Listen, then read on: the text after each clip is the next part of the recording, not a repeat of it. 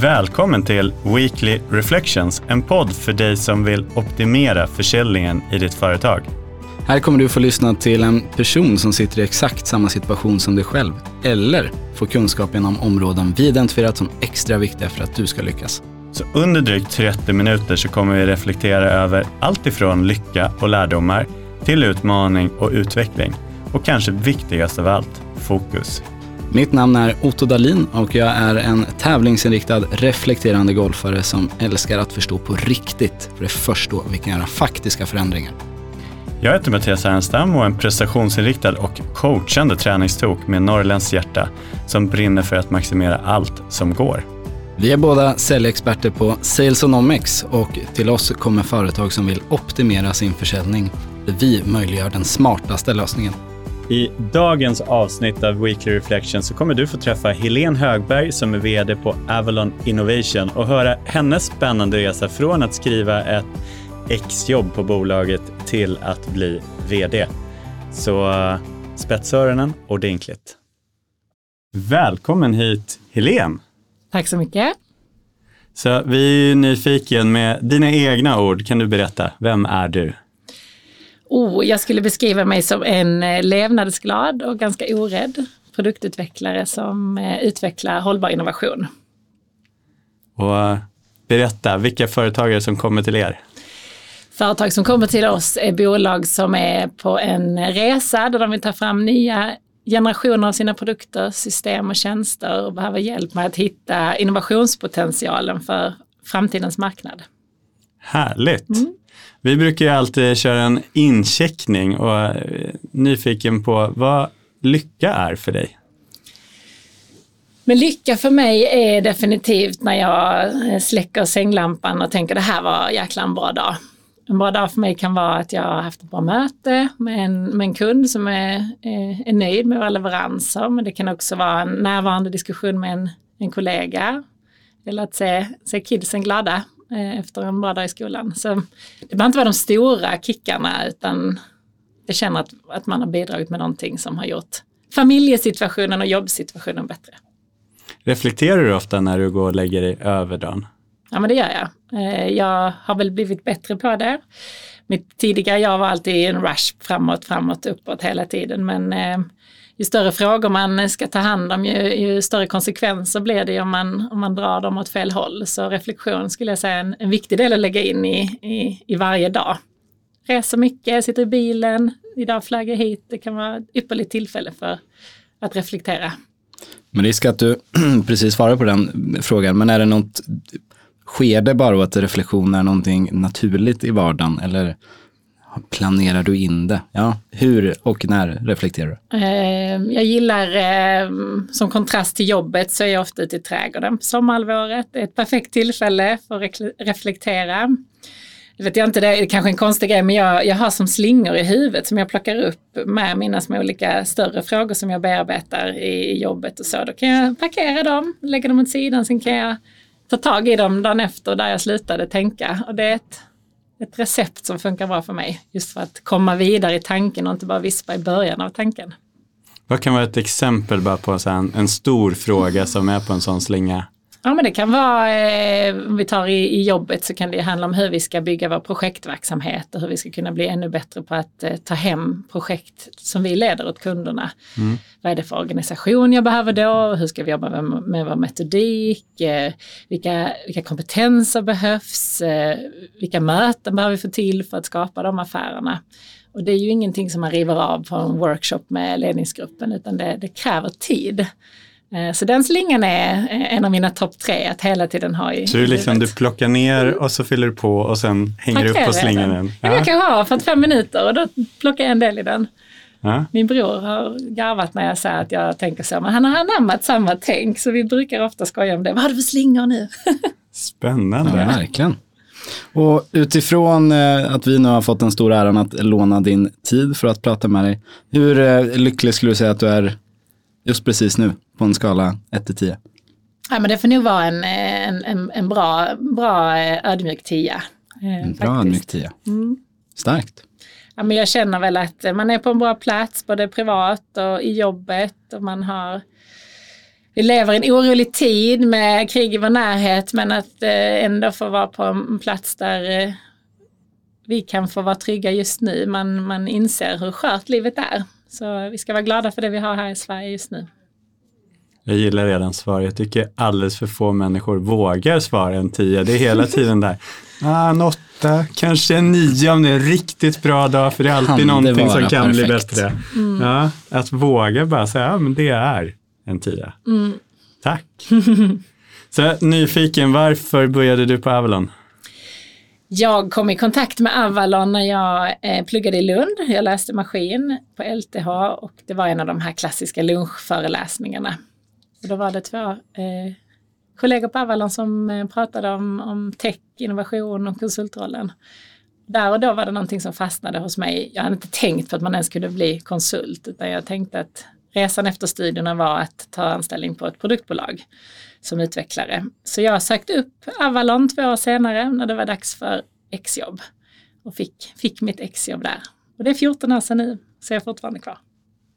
Får jag fråga, vad, vad handlade exjobbet om då?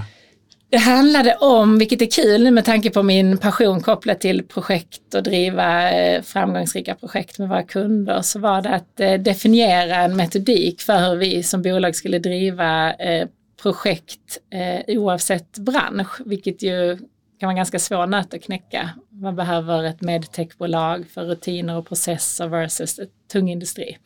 Så att hitta en metodik som våra kollegor kunde jobba utifrån. Så att vi hade igenkänning och vi kunde fylla på med mer kompetens i takt med att projekten växte och man som projektledare också kunde hoppa mellan olika projekt där man behövdes. Så den, vi ska inte på något sätt ta till mig äran att det var jag som skapar modellen med mitt exjobb var att eh, intervjua och samla in och sätta ord på det som teamet redan gjorde kan man säga. Jag tänker det måste ju vara fantastiskt att lära känna ett bolag. Mm, Att det var- göra exjobb. Det var ju helt ljuvligt. Sen var det ju, nu har vi varit med om många kriser sedan dess, men det var under Lehman Brothers-kraschen, vilket ju var stört och möjligt så gott som att få jobb precis den våren. Men eh, jag var så otroligt eh, taggad på att få en anställning på Avalon, så jag var benägen att bidra med vad, precis vad som helst. Så det var mycket ringa kalla samtal, eh, leta nya kunder, jobba med dokumentförbättringar och så. Sen eh, fick vi ganska snabbt eh, på hösten där eh, vårt första inhouse-projekt med metodiken som bas då. Så orädd som man är så tackade jag till en projektledarroll. Jag tänkte nu ska vi testa metodiken i verkligheten. Så då var jag i det projektet ja, nästan ett år. Mm. Ser vi på hur bara så arbetsmarknaden ser ut i stort idag så är 14 år ganska lång tid att vara kvar i, på ett och samma bolag. Nu ska vi komma in på din interna resa alldeles strax här. Men vad, om vi börjar med, så vad, vad är det som har fått dig att ha kvar intresset, nyfikenheten, att vilja stanna under så pass lång tid? Eh, för mig personligen så handlar det mycket om att få vara med och påverka. Eh, kan jag få vara med och påverka i min roll som projektledare, projektets framgång eller teknikvalen vi gör så, så är jag i, i rull och känner att då bidrar jag.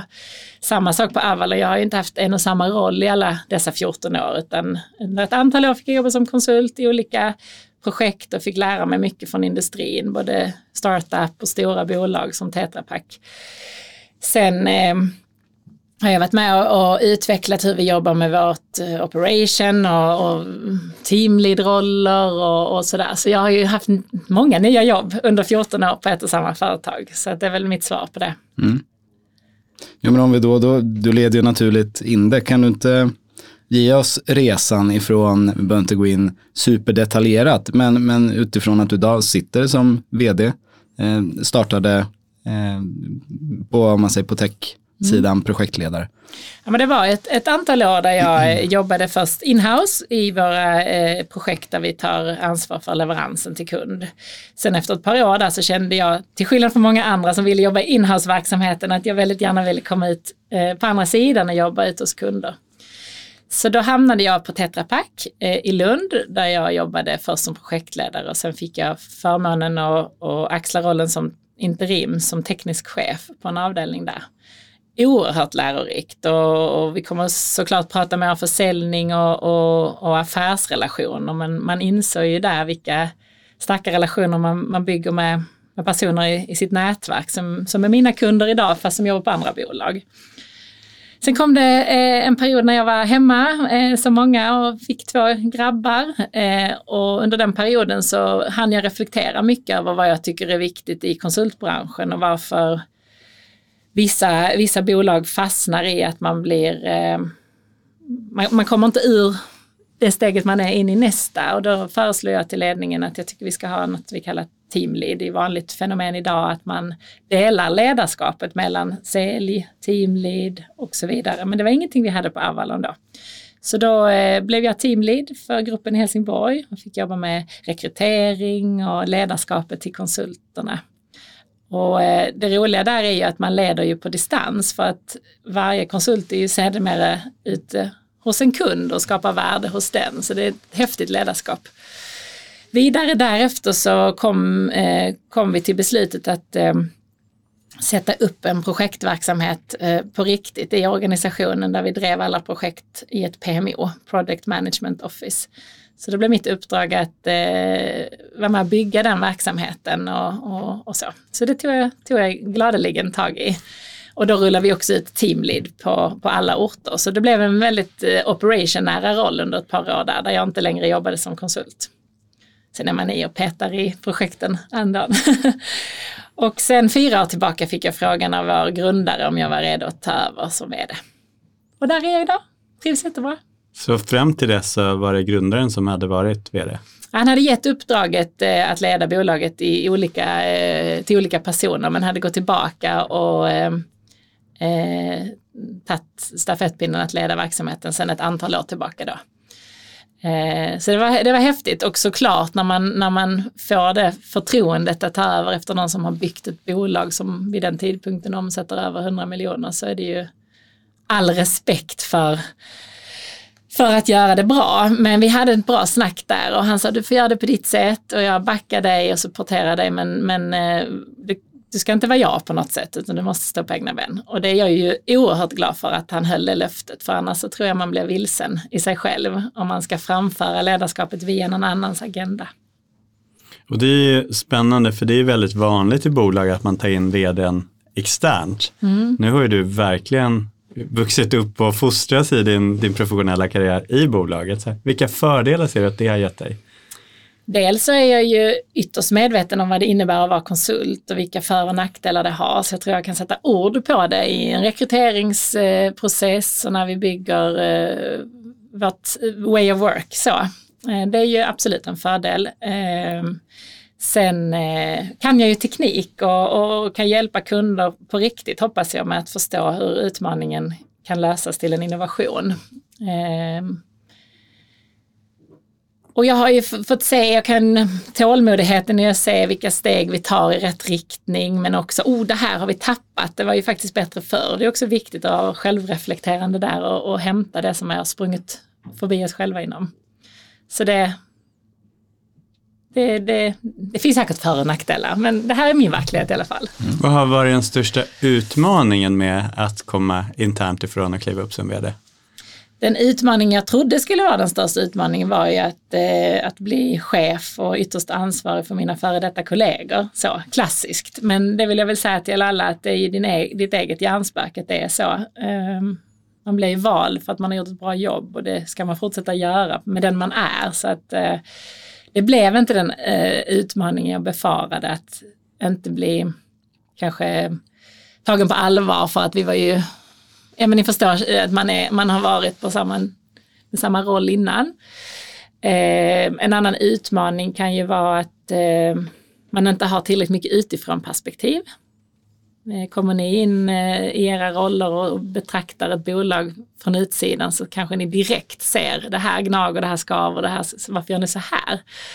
Och då tycker jag det är viktigt att ha en, eh, en grupp eh, runt sig i teamet som kommer just utifrån och vänder på pusselbitarna. Så att, eh, jag, tror, jag tror kombinationen av utifrån perspektivet och att man har en kultur att växa i internt är den viktiga mixen. Hur har du arbetat för Ja, men för din egna utveckling under den här resan, för det är ju olika typer av roller som du har fått växa i. Mm. Hur säkerställer du att du, så att tekniken är ett perspektiv såklart som är central i, i din och er bransch, eh, men utifrån att, att ta klivet till en chefsroll och det vågar jag väl påstå att ytterligare ta klivet till en, en vd-position. Mm. Eh, för att växa och lära så tror jag det handlar mycket om att, att ha ett stort nätverk runt sig. Eh, att som träffar er och, och få lära utav er och ta hjälp när man behöver och vara ärlig när man inte kan. För varje gång man frågar någon annan om hjälp så är man ju också ödmjuk inför sina egna begränsningar men också ska jag säga, eh, imponerad över det någon annan kan och som man vill lära sig mer av. Så jag tror att man ska bli eh, väldigt transparent i vad man kan och inte kan och be om mycket hjälp. Eh, det är väl den ena delen. Och herregud, eh, vi är väl generalister alla och det finns otroligt mycket experter i, i respektive det du är expert inom är jag ju kanske generalist och vice versa. Så jag, jag skulle vilja säga nätverka med, med personer utifrån och ta hjälp. Mm. Och även om vi tittar på om man säger, utvecklingen som idag ligger framför dig att säkerställa att du är men återigen, uppdaterad och du utvecklas i din roll idag. Skulle du fortfarande tacka nätverket eller har du några andra råd att ge för att säkerställa att man är ajour med vad som händer där ute?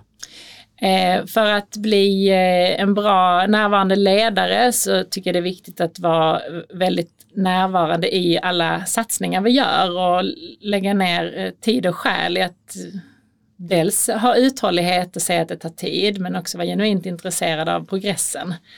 Någonstans är det ju så, ger jag ett, ett uppdrag till någon så måste jag ju vara ytterst intresserad av att eh, se resan sen och, och finnas där och fånga när det behövs. Och de grejer jag inte kan hjälpa till med, då blir det min skyldighet att hitta hjälpen utifrån för att vi ska fixa det. Eh, tid att, jag skulle säga min svaghet är väl tiden att läsa och, och så, men däremot har ju poddar blivit min, mitt sätt att eh, få intryck. Jag tycker det är ett fenomenalt fenomen just med poddar att man kan få höra kunskap och inte få den så rättfärdigad som i en bok kanske. Mm. Utifrån lite temat vi, vi har där, vi pratar lite reflektion, lite försäljning, ledarskap. Har du några, några tips på bra poddar som vi borde lyssna på? Men jag tycker, jag tycker man ska, lite de här slingorna jag berättade om innan, jag tycker det är viktigt att man har kanske ett gäng olika poddspår. Eh, man kan ju inte bara lära sig nytt, nytt akademiskt hela tiden. Så jag kan tycka att en podd som handlar om, om träning kan ge minst lika mycket viktiga verktyg för att ha, ja, men, hänga med på bred front. Eh, sen jag, har jag en trädgårdspodd som jag lyssnar på som blir eh, meditativ när man är ute i trädgården och får lite tips och tricks för jag hinner inte läsa om blommor och blad och så men då får jag liksom lite bra tips. Så att mitt tips är väl att inte bara eh, rålyssna på det som är en vd-podd för en vd eller en försäljningspodd, är mixen tror jag. Mm. Eh, det, det tycker jag. Du berättade ju om att du fick ta över ett bolag som liksom hade passerat 100 miljoner och där har ju resan har ju fortsatt. Mm. Ni står i en tillväxtresa. Kan du berätta lite om vart, vart är ni och vart är ni på väg? Mm. Eh, vi är ett bolag som har valt att vara nära våra kunder, vilket innebär att vi är på tio olika orter i Sverige och Danmark. Eh, det gör ju också att vi kan jobba väldigt nära eh, kundens utmaning genom att kunna ha personer på plats eh, där, där innovationsprojekten sker ute i industrin. Men också att, som jag nämnde innan, ta hem projekt. Och när vi tar hem projekt och driver en kunds utmaning i vår regi, då, då suddas ju också gränserna var man bor ut. Utan det kan ju vara någon från Stockholm, någon från Malmö och Helsingborg. Så den resa vi befinner oss nu är att accelerera vår tillväxt inom den affären som är vad vi kallar det projekt eller där vi tar rollen som utvecklingspartner. Det innebär i sin tur att vårt nätverk växer snabbt. Eh, vi behöver teama upp med andra eh, eh, bolag som kan producera, ta fram prototyper, som har nischkompetens. För det roliga i kråksången är att varje kund har sin unika utmaning så det är ju inte så att vi kan köra samma team på repeat. Så resan vi är i nu är att vi, vi går in i nästa år med med förhoppning om att växa en 15-20 procent organiskt. Eh, vi jobbar inte speciellt mycket med, med förvärv i tjänstebenet utan det är att eh, få ett bra tryck på inkommande projektförfrågningar som gör att vi kan ta fler affärer. Och nu är vi inne och, och pratar om att ta fler affärer. Så här. Mm. Vad, vad är försäljning för dig?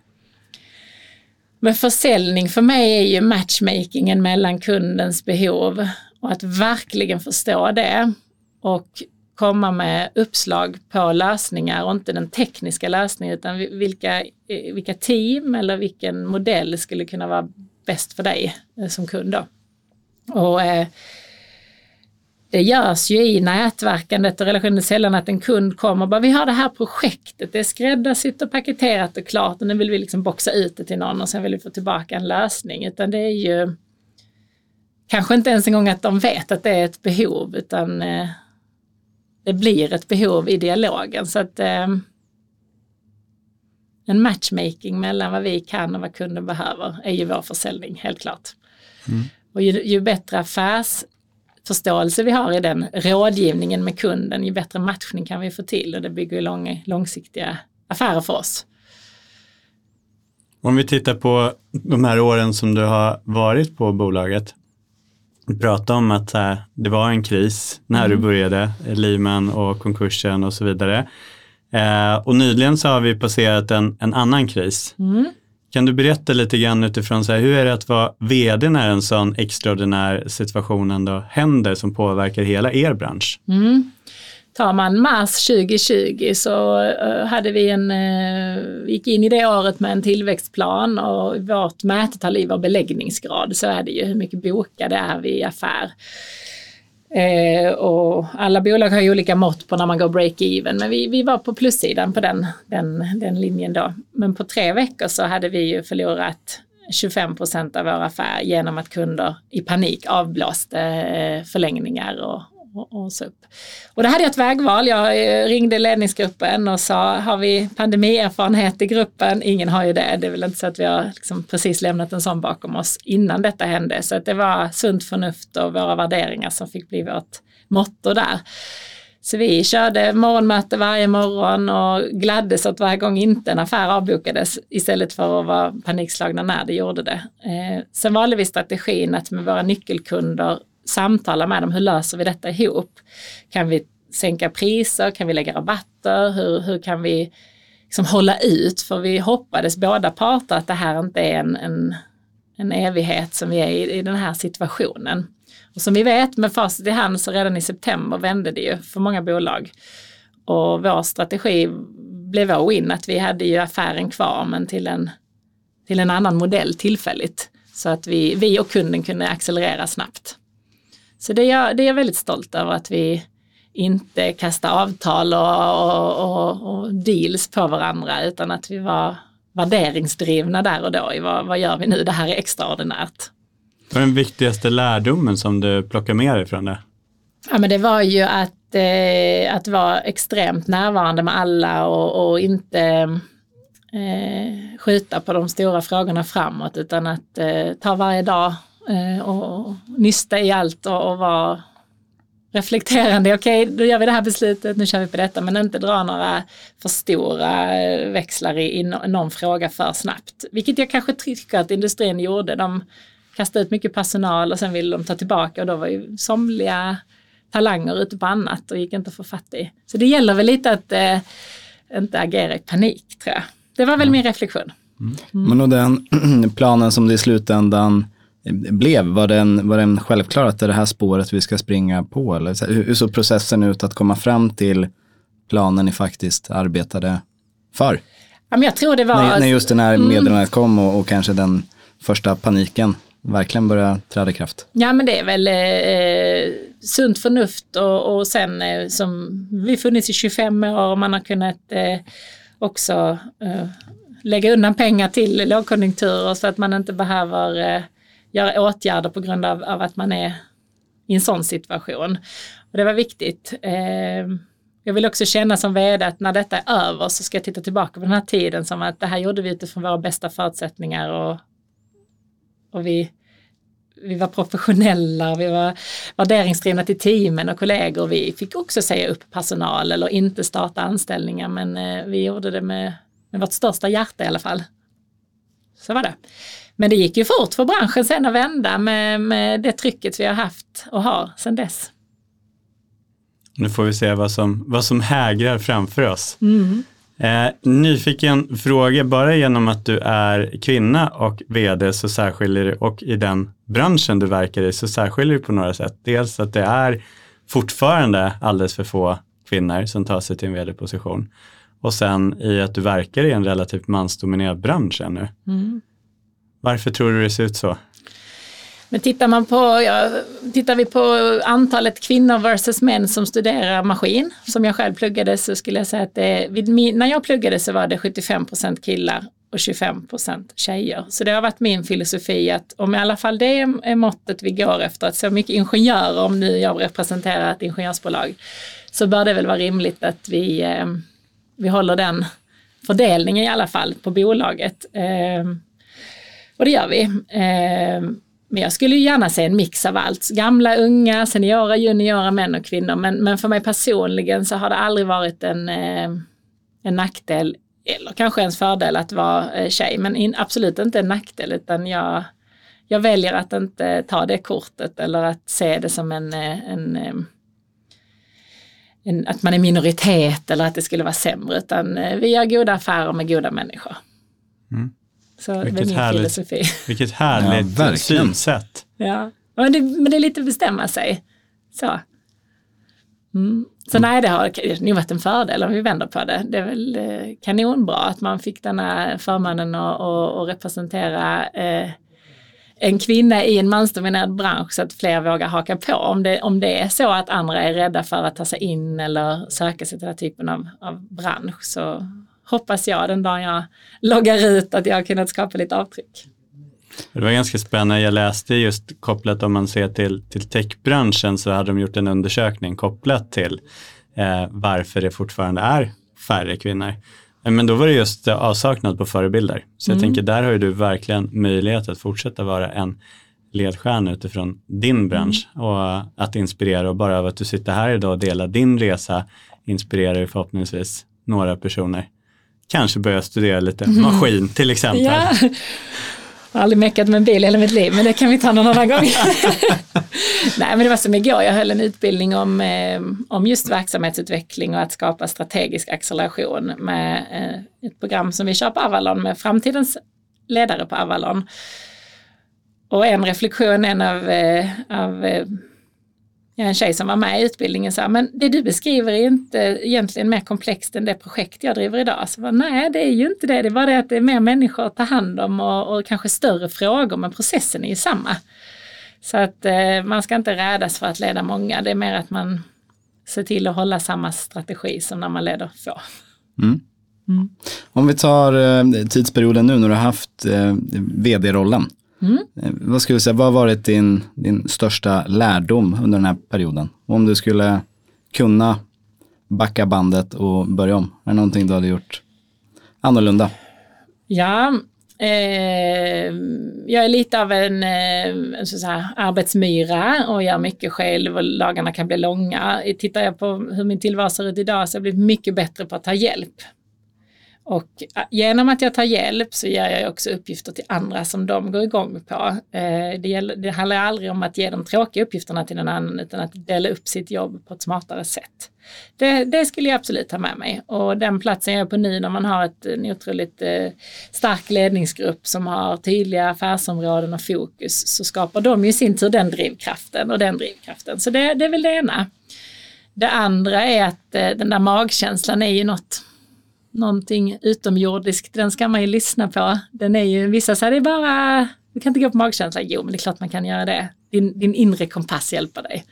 Så den hade jag plockat fram lite tidigare när jag känner att något skaver eller att det inte funkar eller så. Och just det här med att ta hjälp, det handlar ju ofta om någon form av, av stolthet eller prestige. Mm.